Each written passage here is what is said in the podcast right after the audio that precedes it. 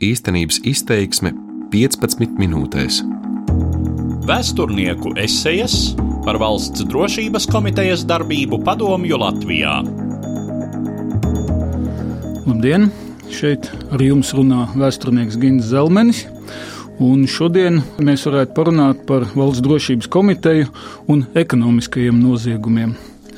Runājot par valsts drošības komitejas darbību, mēs parasti atceramies politiskās represijas, spiegošanu ārzemēs, arī līdzcilvēku izsakošanu un izspiegošanu pašā Padomju Savienībā, nu un tā tālāk.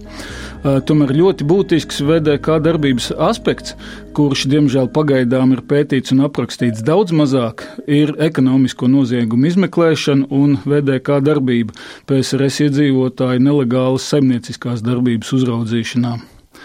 Runājot par ekonomiskajiem noziegumiem PSRS laikā, parasti gan mēs atceramies tādu institūciju kā OBHSS. Šīs iekšlietu struktūras latviskais nosaukums bija nodaļa cīņai ar sociālistiskā īpašuma izlaupīšanu. Tolaik pat bija tāds teiciens: par tiem, kas ar dzīvi ir apmierināti, interesējās OBHSS, bet par tiem, kas ar dzīvi nav apmierināti, interesējās KGB. Tā ir tāpat valsts drošības komiteja. Tomēr, ja gribam būt precīzi, tad nevar aizmirst, ka tā laika ekonomisko noziegumu apkarošanā vismaz daļēji bija iesaistīta arī valsts drošības komiteja.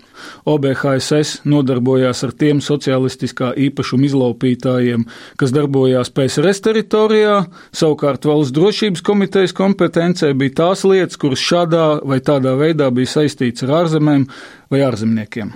Šoreiz parunāsim par diviem ekonomisko noziegumu veidiem, kuru uzraudzīšana un izmeklēšana bija VDK kompetencē. Pirmkārt, tā bija kontrabanda, un otrkārt, tās bija nelikumīgas valūtas operācijas.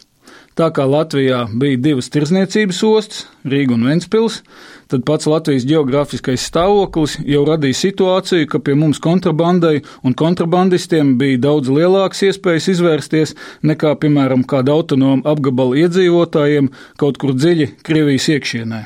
Bija mums, protams, arī Liepāja, taču šī osta pārsvarā atradās militāristu kontrolē, tādēļ kontrabandistiem iespējas izvērsties bija krietni mazākas kas attiecās uz kontrabandu, tad šeit runa nav tikai par deficītu importu mantu nelegālu ieviešanu, bet arī par dažādu PSRS tapušu preču izvešanu. Tā kā Padomju Savienībā deficīts bija gandrīz viss, tad likumsakarīgi, ka gandrīz jebkura rietumos ražota prece šeit kļuva ārkārtīgi pieprasīta. Ieveda importa apģērbus, to laiku pieredzējušie cilvēki noteikti atcerās, kādā cieņā bija importa džinsi un cik dārgi tie maksāja. Ieved arī audio un video aparatūru. Atkal jau atcerēsimies, kādā cieņā un cik dārgi maksāja īsts Japāņu magnetofons. Ieved arī rokas pulksteņus, dažādus ārzemju dzērienus, nu un dažne dažādas citas mantas.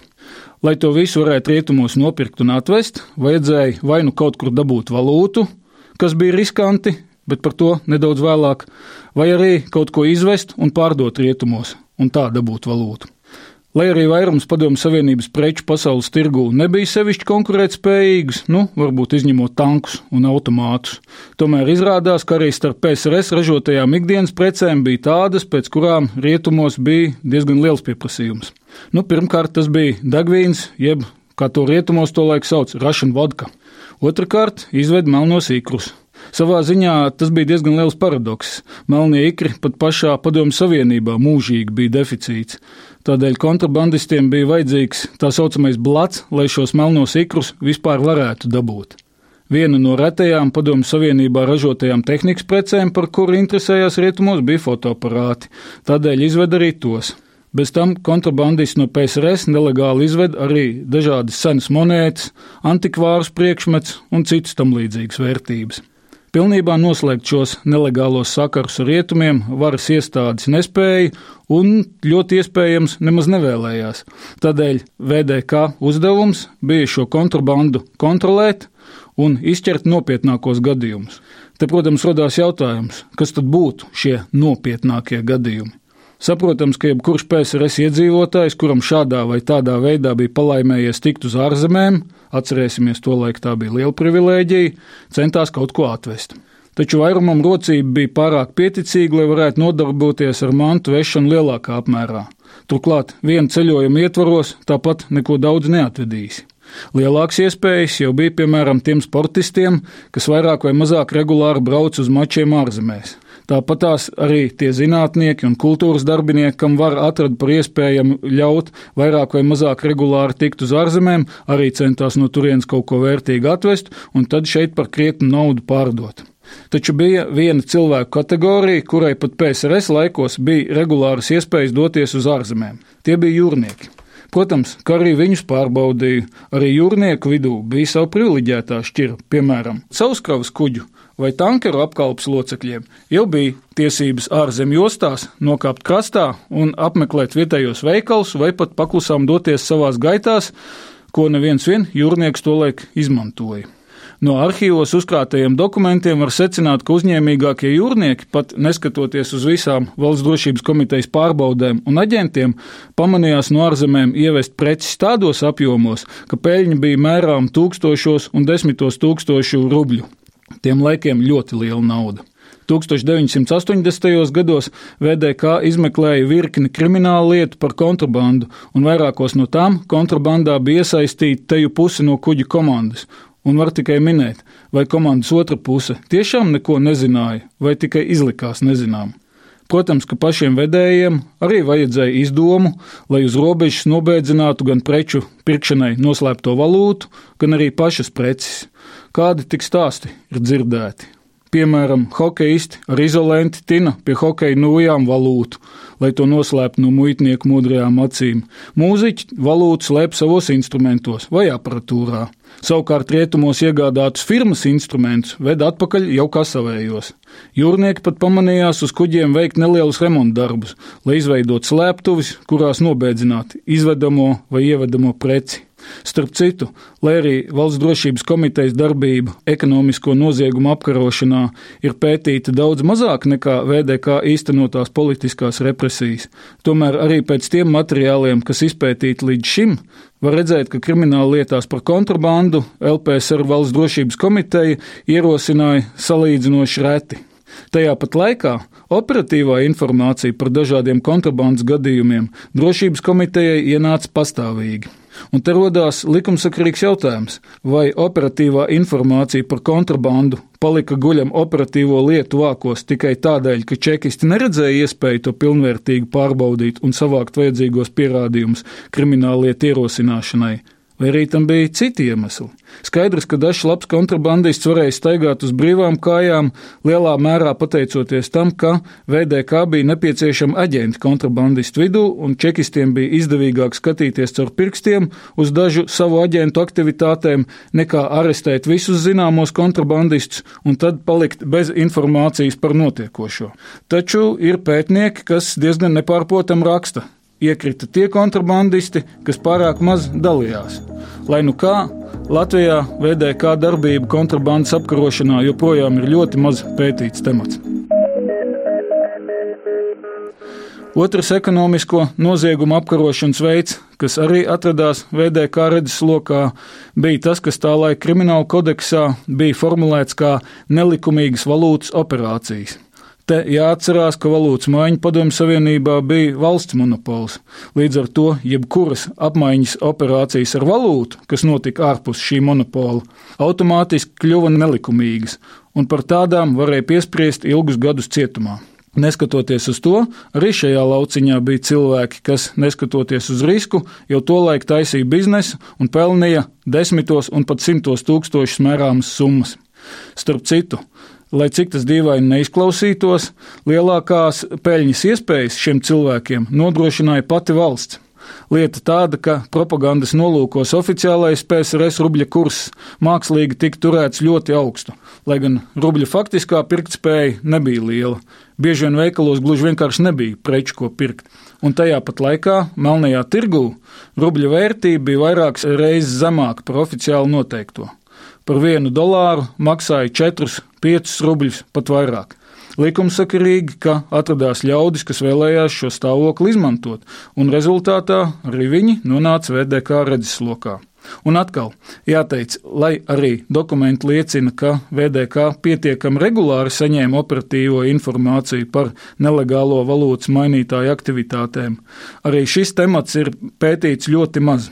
Taču pat no tā, kas ir izpētīts, ir zināms, ka ietekmīgākajiem valūtas mainītājiem bija sakari citās republikās, un viņi apgrozīja tādus līdzekļus, kas vienkāršiem padomu pilsonim pat sapņos nerādījās. Te rodās jautājums, kā gan paši nelegālie valūtas pircēji varēja tikt pie šīs valūtas, jo oficiāli to nemaz nevarēja tik vienkārši dabūt. Te mums jāatcerās, ka tā saucamais dzelzs priekškars PSRS pastāvēšanas pēdējās desmitgadēs nemaz nebija tik dzelžains. PSRS ostās piestāja rietumvalstu tirzniecības kuģi, un jūrnieki brīvo laiku nereti pavadīja staigājot pa pilsētu un dažkārt pat meklējot piedzīvojumus. Arī rietumvalstu turisti kopš 60. gadiem arvien biežāk apmeklēja Padomju Savienību. Viņiem visiem bija līdzvalūta, un te pavērās iespēja nelegālajiem valūtas mainītājiem kurš gan normāls ārzemnieks gribēs mainīt vērtīgos ASV dolārus pret nevērtīgajiem padomi rubļiem par oficiālo kursu, ja uzrādās cilvēks, kurš piedāvā apmainīt tos pašus dolārus pret rubļiem par daudz izdevīgāku cenu. Pašam nelegālajam valūtas mainītājam šāds bizness, protams, bija ļoti riskants. Viņi par to varēja uz ilgiem gadiem nokļūt aiz restēm. Kas attiecās uz riskiem, tad gan kontrabandisti, gan arī valūtas mainītāji, spriežot pēc piespriestajiem sodiem, riskēja ne mazāk kā režīma politiskie pretinieki. Piespriestie ieslodzījuma termiņi dažkārt bija visai līdzīgi. Toties atšķirības ir papildus sodos, jo bez ieslodzījuma tolaik mēdz piemērot arī citus sodu veidus. Piemēram, par pretpadomu aģitāciju un propagandu notiesātajiem nereti bez ieslodzījuma piesprieda arī nometinājumu uz vairākiem gadiem. Tas nozīmē, ka cilvēks pēc ieslodzījuma termiņa beigām vairākus gadus vēl nevarēja atgriezties savās mājās, bet viņam bija jādzīvo nometinājuma vietā, kas parasti bija kaut kur dziļi Krievijā. Savukārt ekonomiskajos noziegumos apsūdzētajiem nometinājums kā papildus sots tika piespriests ļoti reti. Viņiem daudz biežāk piemēroja mantas konfiskāciju par labu valstī. Interesanta aina pavarās, ja mēs mēģinam salīdzināt VDK īstenotās politiskās represijas ar represijām pret šiem ekonomiskajiem noziedzniekiem. Pēc datiem, kuri visticamāk nav pilnīgi, VDK 1980. gados ierosināja vairāk kriminālu lietas par pretpadomju aģitāciju un apmelojošiem izdomājumiem pret padomju valsts un sabiedrisko iekārtu. Nu, tas ir par tiem pašiem politiskiem noziegumiem. Pret kontrabandistiem un valūtas mainītājiem krimināla lietas tika ierosināts salīdzinoši mazāk. Bet, ja mēs salīdzinām šajās krimināla lietās apsūdzēto un notiesāto cilvēku skaitu, tad redzams, ka ekonomiskajās lietās arestēto skaits ir gandrīz trīs reizes lielāks nekā politiskajās krimināla lietās arestēto skaits. Turklāt arī krietna daļa no VDK aģentūras aparāta darbojās nevis ar politiski nepareizu cilvēku izspiegošanu, bet gan piegādāja valsts drošības komitejai informāciju tieši par kontrabandu un nelegālo valūtas mijēju aktivitātēm. Šajā ziņā Latvijā palikušie VDK dokumenti ir pat ļoti vērtīgi, jo tajos ir saglabājusies diezgan plaša informācija par tā saucamo ēnu ekonomiku Padomju Savienībā. Lai arī šajā ziņā vēl ir ļoti daudz kas pētāms, tomēr jau tagad mēs varam konstatēt, ka nelegālas ekonomiskās aktivitātes Padomju Savienībā bija ļoti izplatīta parādība. Vēl vairāk VDK par tām bija visnotaļ labi informēta un iespēja robežās centrās to kontrolēt. Nobeigumā gribētos pievērst uzmanību šādam aspektam. Tā kā Valsts drošības komiteja parasti uzskata par instrumentu politiskajām represijām, būtisks ir jautājums, vai VDK izmeklētajās ekonomiskajās lietās atrodam arī politiski motīvi. Saprotams, ka jebkurā gadījumā viens no galvenajiem ekonomisko noziegumu cēloņiem Padomu Savienībā bija tās absurdā un neefektīvā ekonomiskā sistēma. Iedzīvotāju dzīves līmenis visā Padomu Savienībā salīdzinājumā ar attīstītajām pasaules valstīm bija diezgan zems. Rezultātā daudz PSRS iedzīvotāji centās dzīves līmeni uzlabot ar dažādām puslegālām vai pat pilnīgi nelegālām aktivitātēm. No šāda viedokļa skatoties, zināms politisks konteksts bija gandrīz visiem ekonomiskajiem noziegumiem Padomu Savienībā, jo to cēlonis bija valsts politika. No otras puses, tā laika ekonomiskajās krimināllietās tieši politiska motivācija praktiski nav atrodama. Pārsvarā šiem cilvēkiem tas bija bizness, tikai ļoti riskants. Faktiski krietna daļa no tā laika kontrabandistiem un valūtas uzpircējiem šodien vispār diez vai būtu uzskatām par noziedzniekiem. Pēc būtības viņu vienīgais noziegums bija tas, ka viņi Padomju Savienības iedzīvotājus apgādāja ar precēm, kuras valsts monopolizētā tirzniecība tiem nespēja sagādāt. Un mēs varam tikai konstatēt, ka daudzi no viņiem tolaik tika vervēti, profilaktēti, arestēti, tiesāti un beig beigās ieslodzīti tikai par to, ka atvedām no ārzemēm mantas, kuras rietumos tolaik jebkurš cilvēks varēja praktiski bez jebkādām pūlēm un lieka riska nopirkt vietējā veikalā. Padomjā par to pašu varēja nokļūt Valsts drošības komitejas redzeslokā. Paldies par uzmanību! Savās pārdomās ar jums dalījās Gins Zelmens.